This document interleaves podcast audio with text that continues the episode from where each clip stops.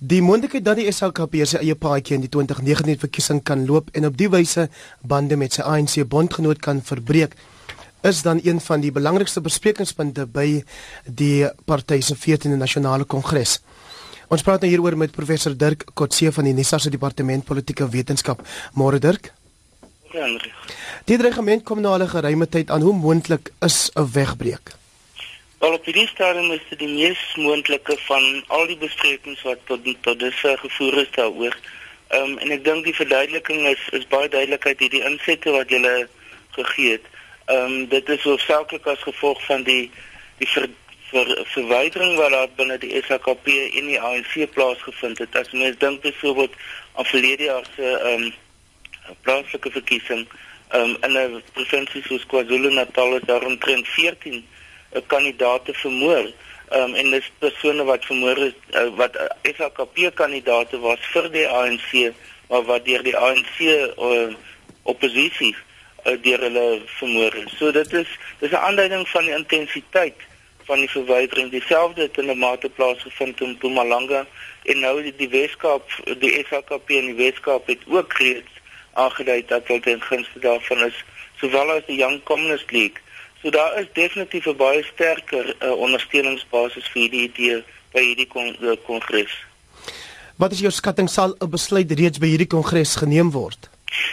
Ek is effe onseker daaroor. Ehm um, en een van die hoofredes is uh, ek dink wat Jeremy Cronin gesê het, gaan oor die die toekoms van die ANC spesifiek.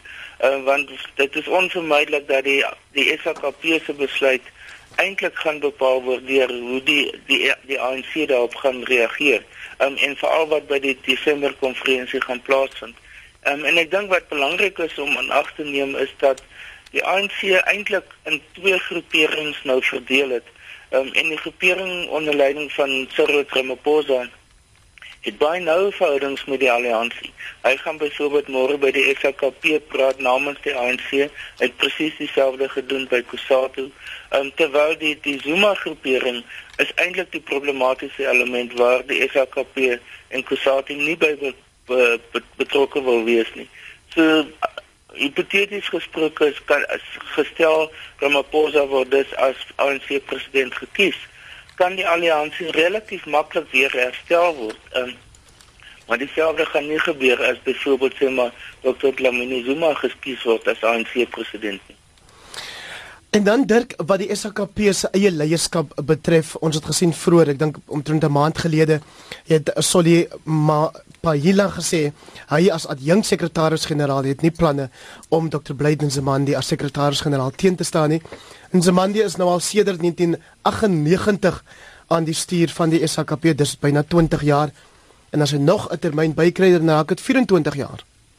Ja, dit is 'n periode wat waarskynlik 'n bietjie te lank word. Ehm um, daar's baie kritiek teen sy leiding van die kommunistiese party as jy met dit vergelyk met die periode van Chris Hani van Joe Slovo van um, Moses Mabhida en en ander. Ehm um, dat die SAKP het 'n groot deel van sy prominensie verloor. En dit is dit was hoor mense nie meer die SAKP stelsel nie. Ons hoor dit deesdae maar oor interne ANC politiek en nie so seer oor sy eie standpunte en sy eie posisie in die samelewing nie. Die, die stem van die linkerkant in Suid-Afrika is relatief stil. Dis net groeperings soos hy soos Kusatu wat self deur die die deur 'n soortgelyke proses gegaan het. Toe noem sy uiteindelik uitgedwing is uit, uit Kusatu uit. Ehm um, so daar is definitief 'n gevoel ehm um, dat daar 'n herdefinering, herposisionering van die kommunistiese party moet plaasvind, dat hulle minder afhanklik van die ANC moet word dat hulle ook minder ideologies ingetrek moet word in die lyn wat die ANC volg. So mens kyk na hierdie konferensie is dit eintlik tipeerend daarvan want die hooftema is die sogenaamde die tweede radikale fase van die nasionale demokratiese revolusie. Nou dis 'n besluit wat eintlik die ANC geneem het by Mangaung in 2012 om die huidige situasie so te tipeer en nie die kommunistiese party nie. So dit wys tot watter mate ek dink daar nuwe leiding binne die SHKP nodig is. Is dit 'n albatros om die party se nek dat van sy lede in die kabinet dien kortliks? Ehm um, dit is in sy voordeel en tot sy nadeel. En wat ons die afgelope tyd gesien het is is dat die die ministers um, het eintlik die teiken geword van die anti-Zuma groepering. Ons het by die laaste kabinetskommeling was daar eintlik baie voorspellings gewees na die eerste slagofferslede van die party sou wees uh, wat toe uiteindelik nie gebeur het nie. So dit dit werk soms teen die kommunistiese party veral om sy eie identiteit te probeer ontwikkel. Dit goed jy kan jy sal die kommunistiese party vaar indien hulle wel besluit om op hul eie aan die 2019 verkiesing deel te neem. Eintlik nie baie goed nie. Die party is klein. Hulle het op sy beste het hy dikwels rondom 200 000 lede teenoor die meer as 'n miljoen lede. Die ANC kry omtrent 11 miljoen stemme by 'n nasionale verkiesing. So die die SHKP gaan glad nie in daardie selfde liga kan wees nie. Um, en daarom sal dit meer van 'n simboliese rol wees wat hulle kan speel in 'n verkiesing, maar nie werklik as magsfaktor nie. Loop hulle gevaar om deur daai simboliese gebaar hulself ignoreerbaar te maak in die politieke landskap? Met gekyk ja, um, en dit is gaan veral afhang tot watter mate hulle self kan verbind byvoorbeeld met die die nuwe vakbondbeweging van Tselentima Wawi, die South African Federation of Trade Unions, NUMSA en ander. Um, maar op hierdie stadium is hulle nie naby aan mekaar nie, so dis onwaarskynlik dat daar so 'n uh, alliansie of 'n patriotiese front soos sou seker gevorm kan word. 225000 lede sal jou dalk een setel in die parlement wen, is dit nie so nie? Ehm um, nee, 'n bietjie meer is dit, maar dit is nog steeds, dit gaan 'n baie klein groepering wees. Ehm um, en dit gaan ehm um, feitelik geen verskil maak aan die rol wat die SAKP kan speel nie. So dit dit gaan 'n baie belangrike besluit wees want die ander opsie is om nie aan verkiesings deel te neem nie, maar die rol te speel wat hulle in die verlede gedoen het, eerder 'n buiteparlementêre groepering te wees. Ehm um, en ek dink dit is dis een van die opsies wat wel te sprake gaan kom.